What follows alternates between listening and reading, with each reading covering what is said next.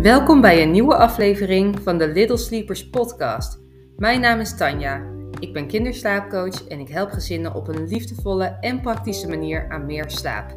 In deze podcast deel ik concrete tips, ideeën en persoonlijke ervaringen over slaap en ouderschap. Wat leuk dat je luistert naar weer een nieuwe Little Sleepers podcast. Vandaag ga ik het met je hebben over de SUS-methode. Een methode die ik vaak gebruik voor jonge baby's in de leeftijd van 0 tot 4 maanden en zelfs tot een maand of 6. En de methode kan je eigenlijk voor allerlei doelen gebruiken. Het meeste wordt deze methode gebruikt om kindjes te leren zelfstandig in slaap te vallen. Want in die eerste maanden is het nog super normaal dat je kindje lekker bij jou op schoot slaapt, in je armen, dat je je kindje wiegt. Maar er kan op een gegeven moment een punt komen waarop je merkt dat je het fijn zou vinden dat je kindje zelf in slaap gaat vallen. Bijvoorbeeld als je je handen niet vrij hebt, of als je merkt dat je kindje erg onrustig slaapt bij jou, of als je kindje bijvoorbeeld naar de kinderopvang gaat en je hebt het gevoel van, nou, ik zou wel een iets stevigere basis willen meegeven. Het is een super persoonlijke keuze. Het hoeft niet, maar je mag wel oefenen. En deze methode kan je daar enorm bij helpen.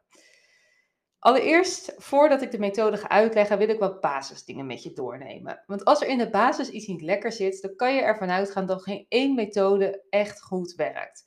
Dus waar je bij een jonge baby op wil letten, is allereerst de wakkertijd. En voor het geval je dit nog niet kent, de wakkertijd is eigenlijk de maximale tijd dat een kindje wakker kan zijn. En hier zijn een aantal tijden voor uh, gebaseerd eigenlijk op gemiddeldes, op heel veel praktijkervaring. En wat ik aanraad als maximale wakkertijd vind je bijvoorbeeld in mijn gratis e-book www.littlesleepers.nl slash i-boek. B-O-O-K. En in dat e-book vind je onder andere een overzicht van de wakkertijden die ik aanraad per leeftijd. En als je die wakkertijd weet, dan wil je dus ongeveer bij die tijd in de buurt blijven. Dit is afhankelijk van de leeftijd van je kindje en je gaat altijd uit van de gecorrigeerde leeftijd. Dus dat betekent dat je rekent vanaf de uitgerekende datum en niet vanaf daadwerkelijk de geboortedag van je kindje. Goed, als je die wakkertijd eenmaal weet, dan wil je daar ook een beetje op slaapsignalen gaan letten. En we kennen allemaal natuurlijk een aantal bekenden, zoals in de ogen wrijven, gapen. Nou, en daar heb ik een hele podcast over opgenomen. Want er zijn namelijk ook allerlei vroege slaapsignalen. En die wil je graag gaan herkennen, want dat is het moment waarop je wil gaan starten met het toepassen van een slaapmethode. Dus vroege slaapsignalen zijn bijvoorbeeld het krijgen van rode wenkbrauwen of het wrijven aan oren. En dat zijn echt, als, als je dat moment gaat herkennen, dan weet je, oké, nu moet ik mijn kindje naar bed brengen en kan ik dus starten met die methode. En dat valt dus, dus samen met die wakkertijd. Dus je combineert dat eigenlijk, waarbij de slaapsignalen ten alle tijde leidend zijn, omdat de wakkertijd een maximale tijd is. Je wilt natuurlijk ook andere dingen in de basis goed hebben. Dus het is belangrijk dat je er zeker van bent dat je kindje geen honger kan hebben. Dat je kindje het niet te warm of te koud heeft. En bij een kindje eigenlijk ouder dan een maand of twee, zou het ook fijn zijn als je oefent in een donkere omgeving en in het eigen bedje. En bij kinderen die wat jonger zijn, kan je eigenlijk ook nog wel beneden in de box bijvoorbeeld oefenen. Of bij wijze van zelfs op de bank naast je.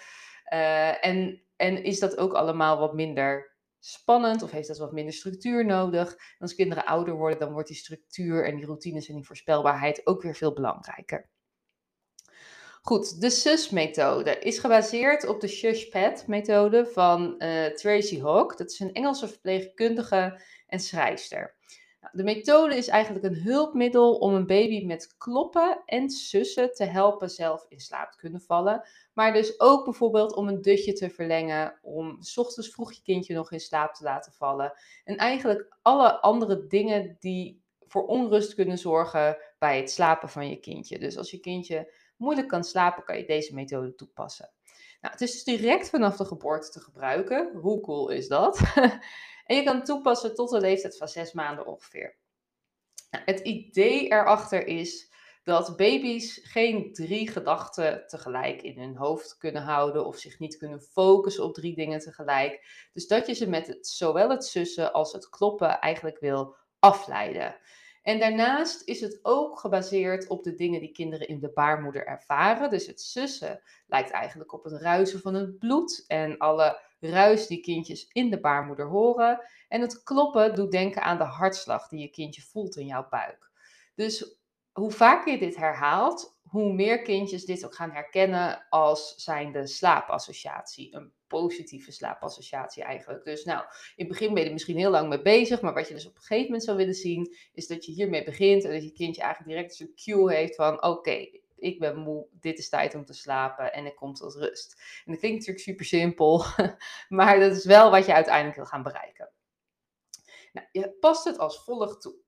Allereerst doe je dus je hele bedtijdritueel, zoals je daar wellicht al over na hebt gedacht, heb ik ook een podcast over. En je gaat naar de slaapkamer of de plek waar je kindje gaat slapen en je zorgt ervoor dat het daar donker en stil is. Het is dus heel fijn als je kindje eigenlijk nog ontspannen is, als je kindje relatief vrolijk is, maar wel moe en in ieder geval nog wakker is. Nou, wat je wilt doen is je kindje op zijn linkerzij in bed leggen. Of hem vasthouden met het gezicht naar je toe op de linkerzij als hij erg onrustig is. Dus heb je het idee van, hé, hey, ik kan mijn kindje wel neerleggen, dan doe je dat. En als je dus merkt dat je kindje eigenlijk al onrustig is en huilt, dan start je gewoon in je armen. Nou, heeft je kindje last van reflux, dan is het wellicht beter om je kindje rechtop te houden met het gezicht over je schouder. En ongeacht hoe je je kindje vasthoudt, wil je er even op letten dat je kindje visuele prikkels zoveel mogelijk, dat je zoveel mogelijk de visuele prikkels beperkt. Dus dat je kindje niet langs jouw arm bijvoorbeeld naar leuke lampjes kan kijken, of naar een paar andere papa of mama kan kijken, of een broertje of zusje. Of dat als je je kindje over de schouder legt, dat je kindje daarvan alles ziet aan de achterkant. Je wil eigenlijk dat het daar gewoon saai en donker is. Dus prikkels zoveel mogelijk weg. Nou, wat je doet is eigenlijk in de ritme van bijvoorbeeld een uh, klok of iets sneller, op, met je vlakke hand op de onderrug of billen eigenlijk in een ritmische beweging gaat kloppen. En dat hoeft natuurlijk niet hard, maar het moet wel een beetje stevig zijn. Dus dit is echt iets, in plaats van wiegen wil je dat kloppen er nu in krijgen. Wiegen is heel lastig om af te bouwen. Kloppen is veel makkelijker. Je kan het tempo trager maken. Je kan het steeds zachter gaan doen. En kloppen is ook iets wat je vervolgens in bed kan doen. En dat is met wiegen eigenlijk vrijwel onmogelijk. Dus daarom is kloppen zo fijn. Dit is iets wat me heel vaak gevraagd wordt: van, is dat dan niet ook een associatie? En waarom is het minder erg? Dat is dus hierom. En tijdens het kloppen plaats je je mond in de richting van het oor van je kindje en maak je dus eigenlijk een sussend geluid. Dus.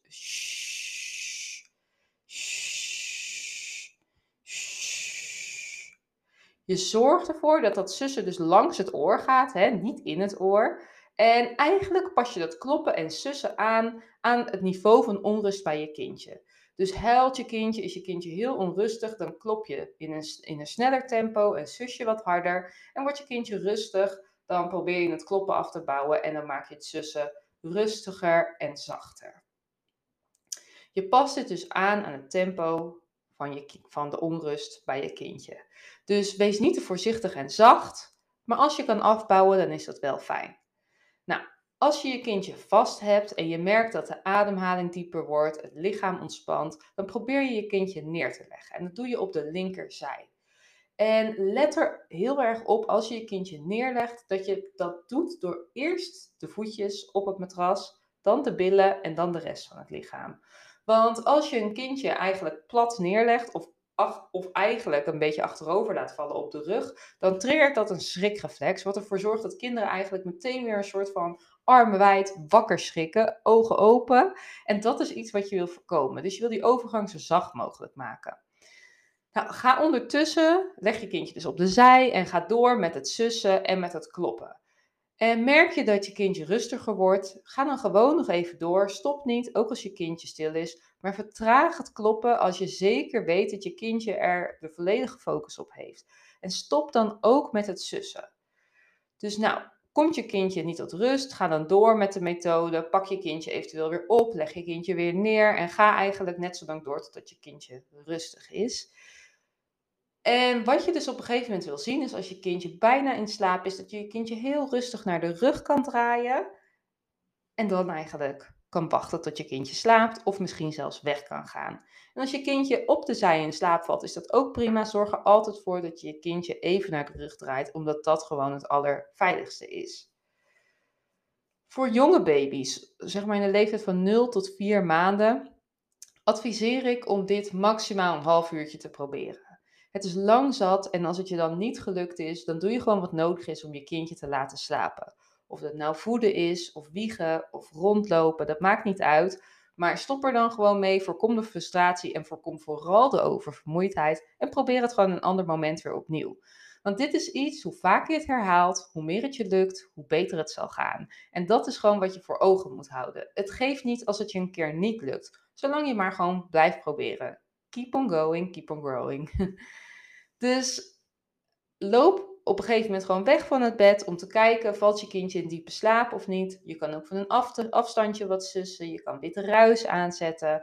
En wordt je kindje weer onrustig of wordt je kindje sneller weer wakker, dan pak je de methode gewoon weer op door in het bedje te gaan kloppen en sussen of anders je kindje weer bij je te pakken. Het is belangrijk dat als je je kindje vast hebt, dat je probeert om niet te, zeg maar, te bewegen of te wiegen vooral. Dus probeer niet rond te gaan lopen, probeer niet te gaan wiegen, want dat is eigenlijk hetgene wat je wil gaan afbouwen. En is je kindje super overstuur, natuurlijk mag je dan al dat soort dingen doen. Maar realiseer je ook dat je daarmee bepaalde dingen in stand houdt. En juist als je het wil afbouwen, het fijn is om dat zo min mogelijk te doen. Of in ieder geval weer te stoppen als je kindje eenmaal rustig is. En het dan weer met de methode verder te proberen. Het verschilt enorm wanneer je resultaat ziet. Er zijn kindjes die, of ouders die, die dit hebben toegepast bij hun kinderen, waarvan ik weet dat ze binnen een dag of twee al een super positief verschil merken. Dat dingen sneller gaan, dat kinderen langer slapen, dieper slapen.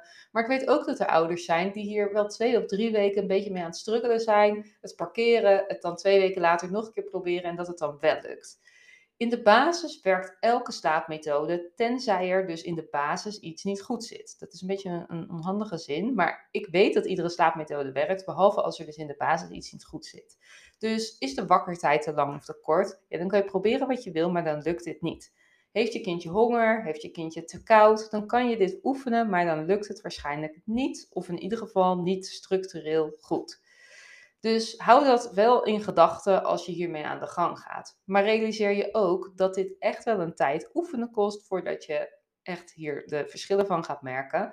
Maar dat op de lange termijn de voordelen er heel erg groot van zijn. Nou, dit is een van de methodes die je vindt in mijn newborn cursus. Ik heb een newborn cursus ontwikkeld met al dit soort informatie, waarin je bijvoorbeeld ook deze cursus in een video ziet uitgelegd. Dus ik doe met een pop voor hoe je dit moet doen. Nou, er zijn nog meer methodes die in de cursus zitten en ik leg je ook stap voor stap uit hoe je die basis creëert, wat je mag verwachten op het gebied van ritme. En op die manier kan je echt in die eerste maanden naar meer rust toewerken. Het is geschikt voor ouders die een kindje verwachten of die een kindje hebben in de leeftijd van 0 tot 4 maanden. En je kindje hoeft niet per se onrustig te slapen. Het kan ook gewoon zijn dat je meer wil leren over slaap en het leggen van een goede slaapbasis en wil checken of je op de goede weg bent. En het fijne is dat je één keer per maand per WhatsApp contact met me op kan nemen om al je slaapvragen aan me te stellen. Eén op één. Dus er zit een stukje, ik noem het het WhatsApp spreekuurtje, er zit een stukje één op één coaching in die cursus inbegrepen. Je vindt hier meer informatie over op www.littlesleepers.nl slash newborncursus en ik zal het linkje ook even in de beschrijving van deze podcast zetten. Ik hoop dat je geïnspireerd bent om te gaan oefenen met het zelfstandig slapen bij je kindje. Laat het me gerust weten of je nog ergens vragen over hebt. Je kan me altijd een mailtje sturen of een DM op Instagram. Vind ik hartstikke leuk. En uh, graag tot de volgende. Doei doei!